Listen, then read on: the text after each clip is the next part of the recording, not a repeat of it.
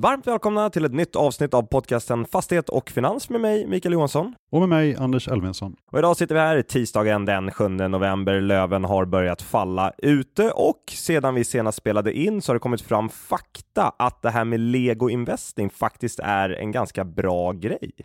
Ja, men jag lyfte ju förra avsnittet att jag köpt eh, legoset billigt här från en person som var tvungen eh, att eh, kränga av dem snabbt av oklar anledning. För tanken var ju från början att eh, det skulle vara en investering som skulle generera en massa pengar över tid.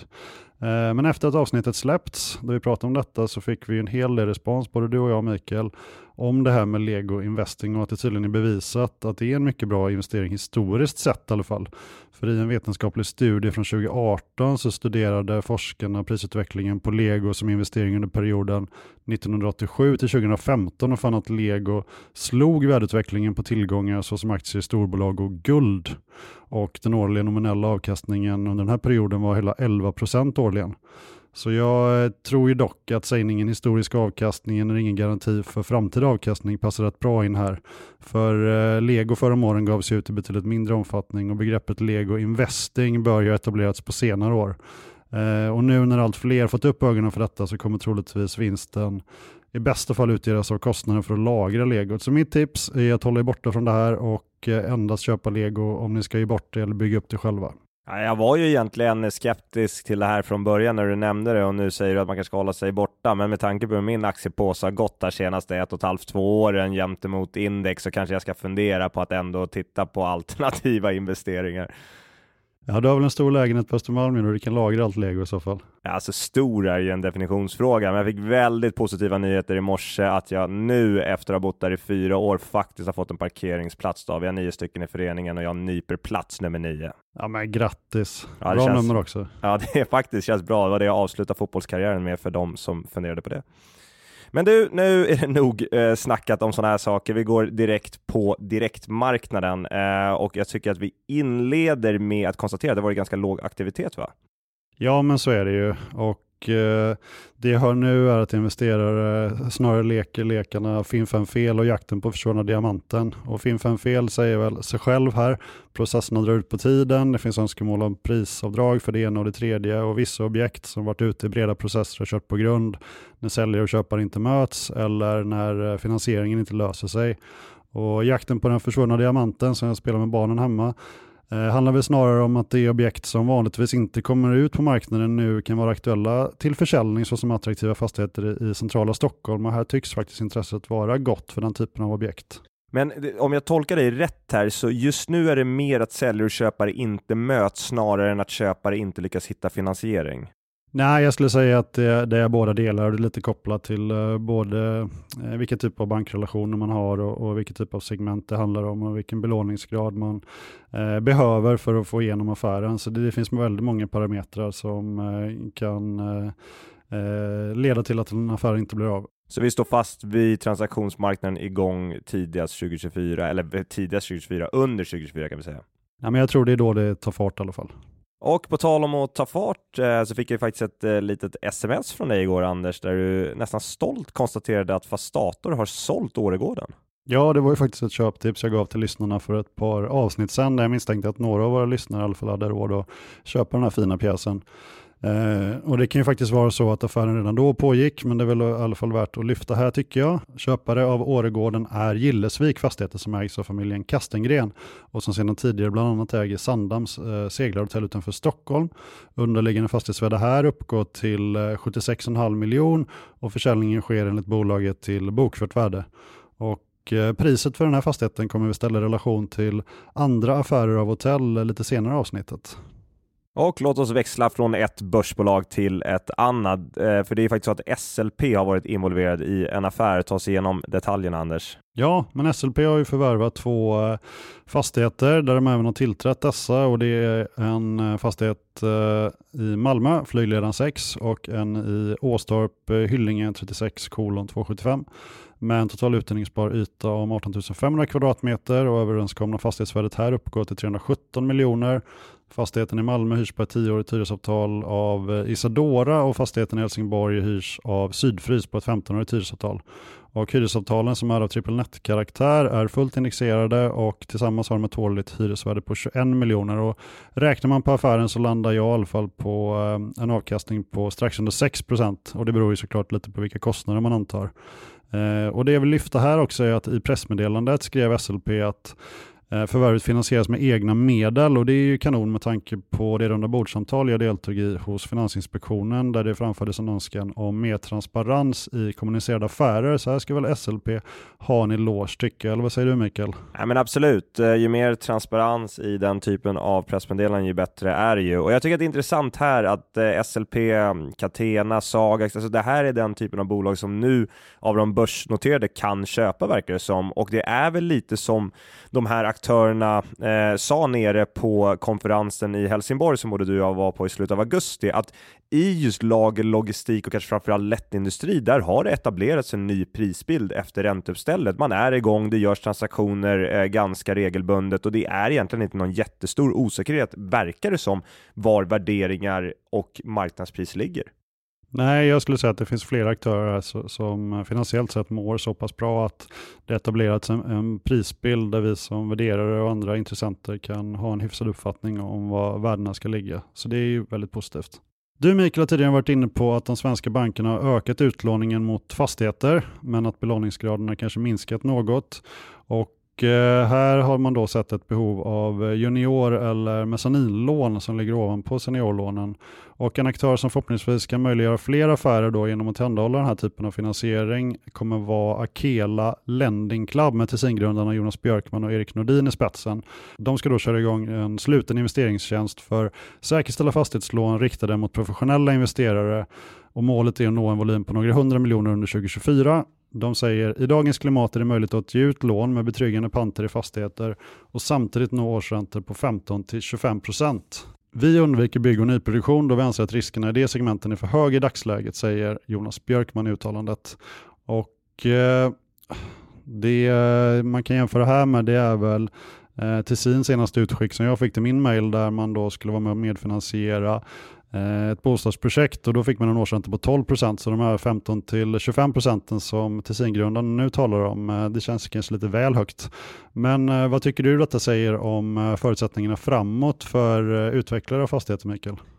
Ja, men spontant blir jag lite nyfiken på vilka som faktiskt ska ta säkerställda lån på 15-25% och det är väl som du säger, det är väl just utvecklarna där det här kan vara intressant. Men det är klart att givet hur det ser ut idag med kostnadsinflationen eh, när det gäller då eh, byggkostnader och om vi tittar på vad finansieringskostnaderna eh, totalt är och så ska vi få ihop det här eh, med ett värde för den som faktiskt utvecklar. Jag tror att den här kalkylen om man ska betala 15-25% eh, ränta, den blir väldigt, väldigt svår att, att få ihop. Så det är möjligt att man kan ta det här som ett litet lån, men att då ge bort, um, att ge bort säkerheten i de här projekten. Jag får liksom inte riktigt ihop hur den här affärsidén ska funka för de som lånar pengar. Så att ja, lyckas de attrahera bolag in i de här dealsen så är det ju verkligen ett tecken på att världen har vänts upp och ner kan jag tycka. Men innan vi slår fast att så är fallet så får vi väl avvakta lite och se hur lyckad den här affärssatsningen faktiskt är.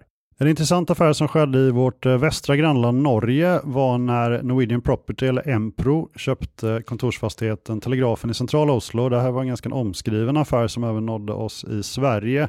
För köpeskillingen motsvarar en rabatt på 25% mot det säljaren köpte fastigheten för i slutet av 2020. Och eh, det är väl inget markant som har skett här, sett hyrsituation eller annat, som motiverar en, en så pass stor rabatt, utan som jag förstår det så har affären eh, tvingats fram på grund av eh, finansieringsproblematik. Köpeskillingen på 1,7 miljarder norska kronor motsvarar 67 000 norska per kvadrat och en initial på 5 och det här är en ganska stor skillnad mot vad Empro själva har sina CBD-fastigheter bokade till. De ligger på 93 000 per kvadratmeter och en yield på 4% Det ska dock tilläggas att eh, Empro har justerat ner sina fastighetsvärden med 13% sedan toppen. Tror du Mikael att denna affär kommer sätta press nedåt på marknadsvärdena eller kommer man helt enkelt avfärda den som en forced sale och fortsätta som tidigare? Jag tycker att det här är eh, extremt intressant att diskutera ur två olika perspektiv. Dels så ska vi ha med oss att i Norge så är det en ganska stor skillnad mot situationen i Sverige, för i Norge så har man väldigt många av den här typen av så kallade projektfinansieringar egentligen, där det mest sannolikt kommer vara lite finansieringsproblematik under de nästkommande åren. Och där tror jag att ett, ett bolag som Norwegian Property, som numera då är olistat och ägs av John Fredriksen, som vi vet är storägare i Fabege, Eh, det är en aktör som idag verkar det som har ganska gott om kapital och de kommer nog mest sannolikt tror jag vara på köpknappen när den här typen av projekt får den här typen av finansieringsproblematik och då kan man mest troligen göra ganska attraktiva affärer. Sen är det klart att det kommer få visa sig i längden om det är en attraktiv affär eller inte, men mest eh, troligen så kommer de kunna köpa in en del fastigheter på ganska bra nivåer jämfört med tidigare. Och sen den andra intressanta frågan att diskutera här, vilket jag förstår att det kan vara svårt att vara värderare ibland, för att jag skrev lite om det här i veckobrevet, så jag ska ofint nog citera mig själv. Det är inte jättesnyggt kanske, men jag gör det ändå. Då. Enligt, eh, så här skrev jag alltså i brevet, enligt våra källor har en aktör bjudit in ägare av kontor i Oslo CBD till en diskussion för att köpa kontorsfastigheter runt 4,5-5% i yield och ingen av de här ägarna har ens velat ta diskussionen. Alltså Enter, Norwegian Property och andra aktörer har inte velat ens bjuda in den här köparen på en kopp kaffe, för man är helt enkelt inte beredd att släppa kåkar på den typen av yieldnivå idag. Och nu görs alltså en transaktion av en stressad säljare. Vi ska vara tydliga och säga att det här är inte ett CBD-läge, alltså Telegrafen ligger inte i, i centrala Oslo. Det är fortfarande ett, ett, ganska bra kontorsläge, men det är inte prime. Men hur som helst, nu görs en transaktion av en stressad säljare. Ska vi då prisa om alla andra fastigheter också när det uppenbart är svårt att få till fler transaktioner på den här nivån? Alltså det är en högst filosofisk diskussion, men man förstår ju ibland Anders att ditt jobb är, inte är superenkelt, för vad är den faktiska yielden här? Är det den enskilda transaktionen som görs medan de andra bolagen här, de kanske inte har möjlighet att köpa fastigheter till de här yieldnivåerna, men de är ju samtidigt inte beredda att släppa det man äger på det som eh, köparna vill, vill erbjuda. Så det blir en filosofisk diskussion, men jag förstår att det här med vad exakt värderingsgilden är inte alltid är helt solklart. Ja, men vi har ju fört den här diskussionen i Sverige också eh, och i min värld så ligger väl marknadsvärdet snarare närmare vad någon är villig att köpa för än vad någon är villig att sälja för. Eh, men där finns det olika åsikter om den saken. Sen har WeWork gått sitt eh, oundvikliga öde till mötes, konkursansökan inlämnad och Eh, aktien är handelsstoppad och det återstår att se vad AMF kommer göra med WeWorks lokaler invid Sergels torg. Men läget kan ju faktiskt inte bli så mycket bättre och det är en renoverad fastighet som är i riktigt bra skick. Så jag tror inte Thomas och gänget på AMF ligger sömnlösa om nätterna. Avslutningsvis skulle jag vilja lyfta en hotellaffär i Rom. Det är hotellet Six Senses som genomgått en omfattande renovering och innehåller 95 rum som har sålts för 245 miljoner euro. Och detta är då en rekordaffär sett till köpeskilling per rum som uppgår till hisnande 30 miljoner kronor. Och då är inte rummen så vansinnigt stora. När jag gick in och skulle boka ett rum, i alla fall för en lång weekend, eh, det blev dock ingen bokning när lägsta priset för två personer i tre nätter landade på närmare 40 000. Och eh, som jämförelse så kan jag nämna Sveriges finaste hotell Grand Hotel i Stockholm som såldes våren 2021. Eh, delvis i en internaffär kan man väl säga, men ändå på eh, värdering och här såldes det för ungefär 12 miljoner per rum då om man justerar för den kontorsyta som också ingick. Och eh, vi kommer tillbaka till Åregården som är årets finaste hotell i min mening som nu då såldes för inte långt över en miljon per rum. Eh, och även här var faktiskt en lång weekend i vinter det dyraste laget när jag kikade tidigare i höstas. Så det ser faktiskt ut som att eh, köparen Gillesvik Fastigheter gjort en riktig kanonaffär. Fastighet och Finans är även denna vecka inspelat i samarbete med Fastighetsvärlden. I snart 40 år har Fastighetsvärlden genom konferenser, magasin, nyhetsbrev och hemsida levererat marknadsledande nyhetsbevakning av Sveriges bygg och fastighetsbransch. Även i detta avsnitt vill vi lyfta Fastighetsvärldens kommande seminariedag Cash is King 2 som går av stapeln den 29 november på Kulturhuset i Stockholm. Ta chansen att lyssna till färgstarka finansprofilen Mats Kviberg som fanns med när omstruktureringen av ägandet i huvudstaden påbörjades en gång i tiden och när Wihlborgs och Drotts låg samman. Så även om han idag är mest känd för andra äventyr i finansbranschen så har han en gedigen bakgrund inom fastigheter och har varit helt rätt på bollen vid flera tillfällen historiskt. Och en annan person som varit rätt på bollen vid flera tillfällen historiskt, det är ju ingen mindre än Olof Manner. Och vi tycker att ni ska ta chansen att lyssna på honom. Han är alltså makroekonom och senior rådgivare på Swedbank. Olof kommer att ge åhörarna en, in, en utblick ska jag säga, in i framtiden där svar ges på frågan om det är en tillfällig räntechock vi nu ser som kommer följas av låga räntor och business as usual, eller om det är higher for longer som kommer inträffa och vad det i så fall kommer med sig. Kuriosa här är ju att Olof bakar Sveriges största snus. Notera överläppen är allt jag kan säga. Vi kan varmt rekommendera er att närvara på denna spännande seminariedag samt ta del av de senaste nyheterna från fastighetsbranschen genom fastighetsvärldens olika kanaler.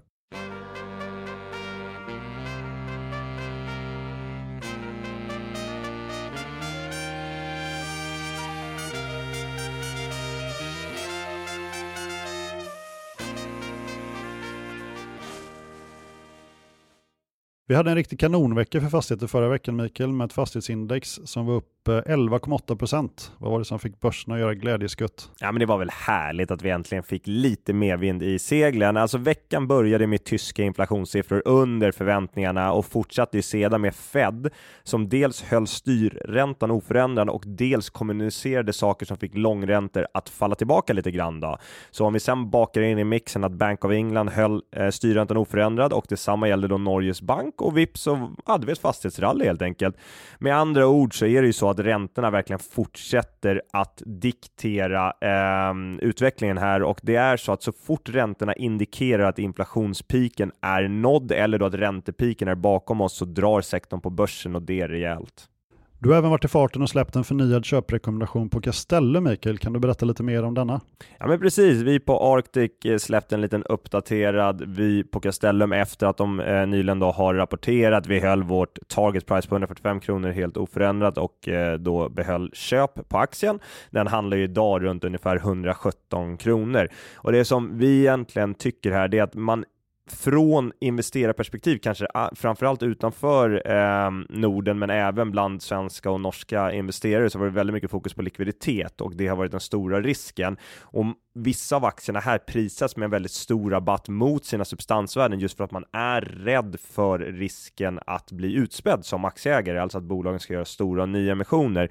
Men i Castellum så har vi ju lite den likviditetsrisken bakom oss. Man har gjort en 10 miljarders eh, nyemission. Man har fått ungefär 24 miljarder i kreditfaciliteter på plats i banksystemen och vdn var ute och sa att alla obligationer egentligen fram till, jag tror att det var första halvåret 2026 är mer eller mindre täckta. Så att i Castellum så är den oron, den borde vara lite bakom oss och sen ska man fundera lite på operationell oro framgent eh, i hela sektorn då. Det är klart att om det blir så, då kommer det drabba även Castellum, men än så länge så deras siffror kom in ja, lite under konsensus på, på topline-nivå, alltså i termer av intäkter, men inte speciellt mycket. Man höll sin marginal oförändrad, man lyckades växa förvaltningsresultatet mot föregående år. Alltså, det mesta här var stabilt och operationellt går det bra, så vårt budskap är väl att Castellum successivt här borde handla med en mindre eh, rabatt mot sitt rapporterade substansvärde då man har tagit vissa nedskrivningar och mycket av den här operationella oron inte ska prisas in på samma sätt som i andra namn. Kring Heimstaden har det inte varit mycket nytt sedan sist, eh, men jag antar ändå att du har diskuterat bolaget i diverse samtal med investerare och även fått kommentera Folksams uttalande om att det kan tänka sig att köpa fastigheter från Heimstaden Bostad.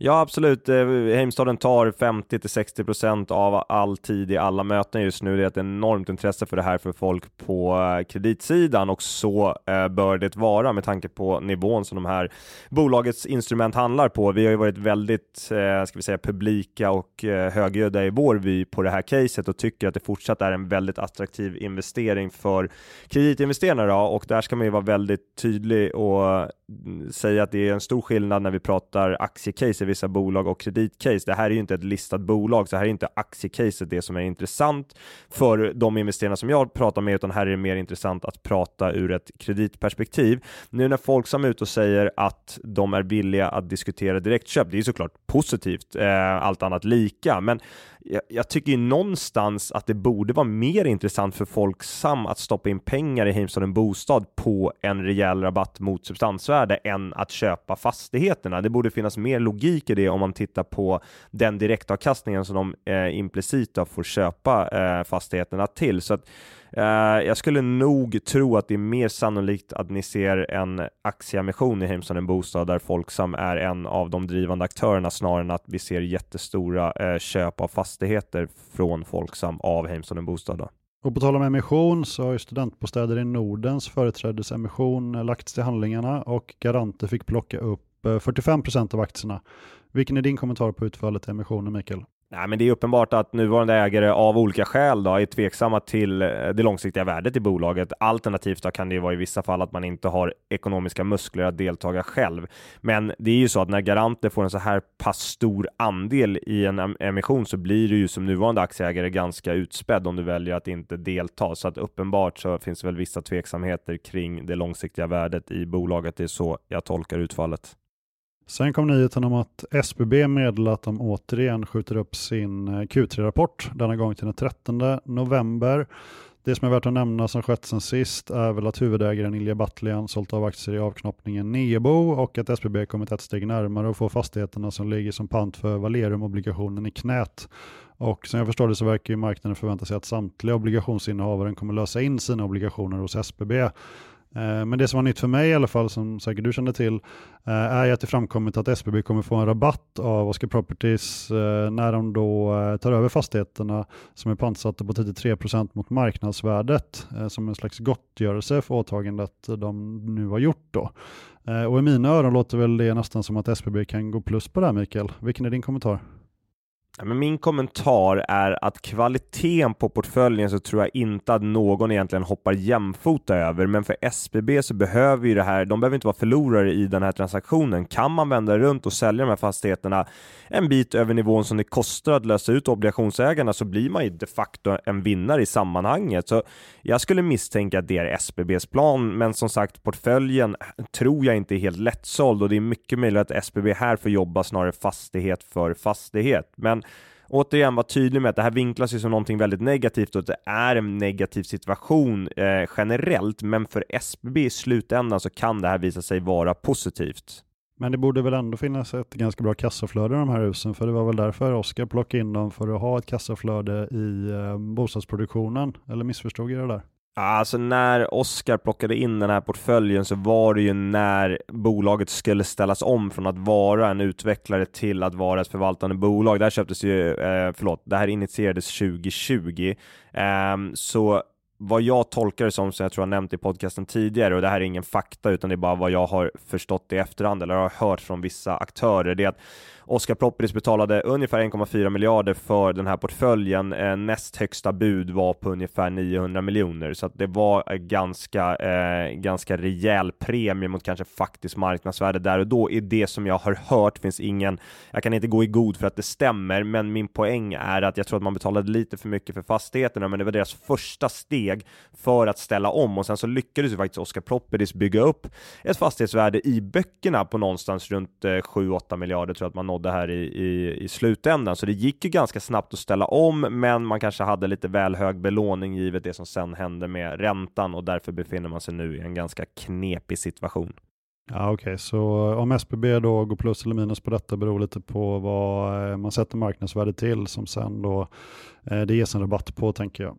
Absolut, uh, och jag har inte buskoll på den här uh, portföljen för vi har inte varit inblandade på Arctic då, i Valerium-obligationen på det sättet, var inte med och gav ut den och jag har inte djupdykt i uh, kvaliteten på det man tar, men som jag tror vi nämnde senast att 19% ekonomisk vakans i Oscar Properties, ännu högre vakans om vi tittar på yta. det kanske säger lite om kvaliteten i portföljen om vi jämför det med peers i marknaden.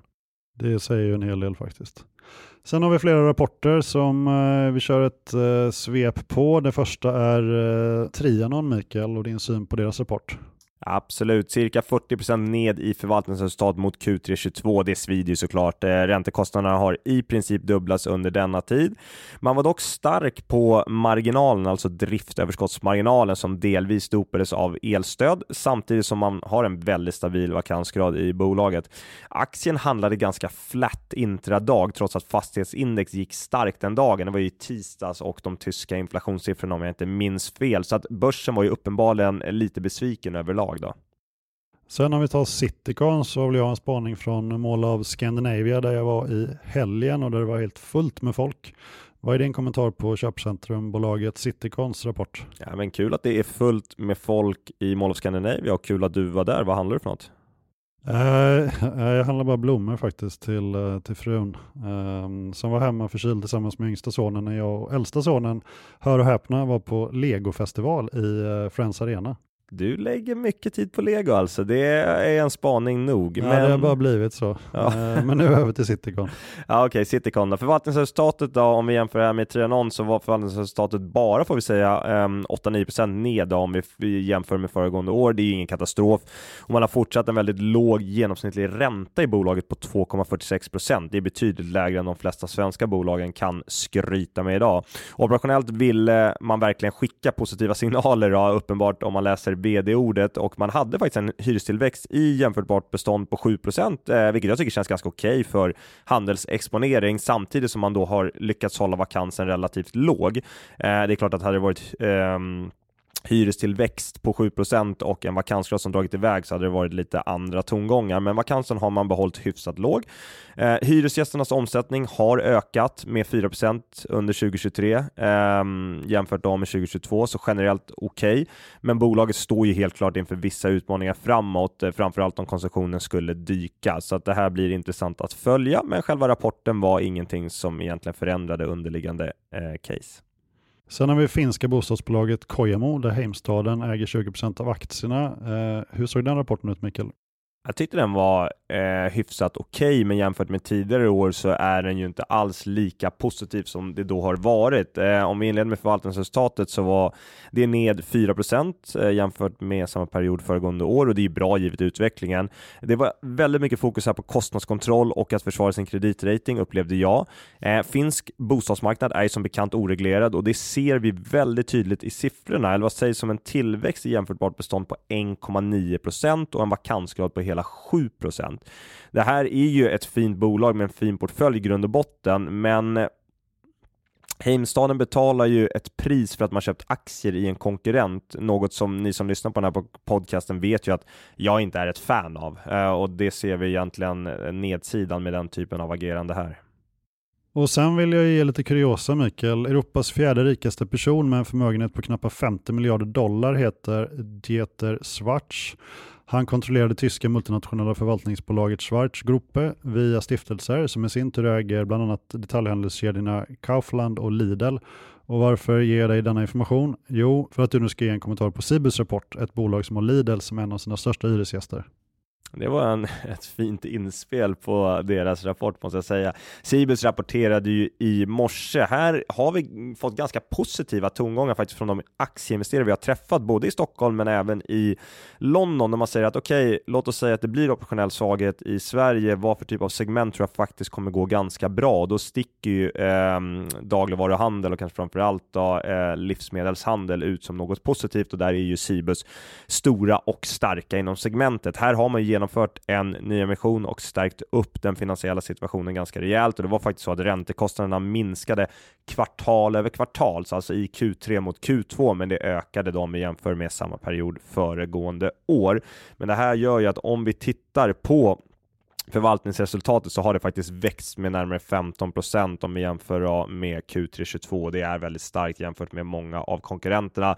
Vakansgraden ligger stabilt runt 5 procent. Man har ökat på marginalen då man har eh, ganska stor andel då, antingen eh, net eller trippelnettavtal så att man har en väldigt stabil och hög eh, marginal i det här bygget och man har tagit stora steg mot att sänka sin eh, skuldsättning som jag sa, dels genom att göra den här riktade emissionen på 70 50 miljoner euro under våren och sen så annonserar man ju igår att man säljer fastigheter i Finland för ungefär 9 miljoner euro. Så jag tyckte att det här generellt, det var inte så att wow vilken rapport, det var mer det här är stabilt och man har gjort saker under året som gör att Cibus kan leverera eh, avkastning för sina aktieägare och betala sina obligationsägare deras kuponger och tillbaka lånen under nästkommande år. Det är väl så man kan sammanfatta det hela. Ja, men det var ett bra och koncist rapportsvep, Mikael. Ska du köra din vanliga disclaimer? Ja, men det kan jag göra. Allt som vi har sagt i denna podcast ska varken tolkas som en köp eller säljrekommendation i något finansiellt instrument. Och sen vill vi pusha för att avsnitt två av tre i vårt samarbete med Realplay nu är ute och denna gång ligger fokus på finansiering och sektorns förutsättningar framåt där jag främst ställer frågor till dig Mikael. Och vi vill passa på att tacka Avi Temple som möjliggjort inspelningarna. Avi Temple digitaliserar boenderesan från inflyttning till utflyttning och skapar värde för boende och fastighetsbolag. Och sen så vill jag slå en push, för jag inser att vi är här för att prata fastigheter, men för de som inte såg de sista fem minuterna av Elfsborg-Degerfors i söndags när Elfsborg kunde vinna guld och Degerfors försökte undvika att åka ur, så rekommenderar jag varmt att man tar fem minuter och ser reprisen där, för att det var bland det sjukaste jag sett i, på en fotbollsplan egentligen, när båda lagen, det spelar ingen roll om de förlorar eller kryssar, båda måste vinna, vilket betyder att man i princip hade sju stycken spelare var i anfallslinjen och nästan ingen som försvarade. Och gårdagens match i Premier League vill du inte ens gå in på för det skulle ta ett till avsnitt. Ja, i mer eller mindre helt galen tillställning på Tottenham Hotspur Stadium. Tyvärr så förlorade mitt kära Tottenham Hotspur mot Chelsea, men det var bortdömda mål för VAR och det var röda kort och det var, äh, det var bara kaos under ja, 90 minuter plus. Så det var, äh, det var, den var helt, helt osannolik faktiskt. Inte konstigt att du är trött idag Mikael. Ja, det kanske är därför jag är lite trött idag. Jag har försökt hålla energin i rösten uppe, men idag är jag lite sliten faktiskt. Ja, men du är en high energy guy, så det märks när du inte är på topp. Om ni vill nå oss så gör ni det via vår mailadress fastighetsfinanspodcast.gmail.com och om ni vill nå oss i eh, arbetssammanhang där vi jobbar till vardags så gör ni det för min del via anders.elvinsson.kurswake.com. Och du då Mikael? Man kan nå mig via mikael med ch.johansson.arctic.com. Och sen får ni jättegärna sätta ett betyg på podcasten och klicka på följ så att ni blir uppdaterade om när ett nytt avsnitt släpps. Och på tal om nya avsnitt, vi kommer att spela in fredagen den 17 november. Eh, det är nästa gång, så har ni några tankar på vad vi bör prata om så hör gärna av er. Vi kommer också ta in en eller två personer som vi har pratat med som vi tycker är väldigt intressanta för att släppa lite specialavsnitt under hösten, eh, eller hur Anders? Ja, eller vintern, det är ju snart vinter. Ha det gott allihop! Ha det bra, hej!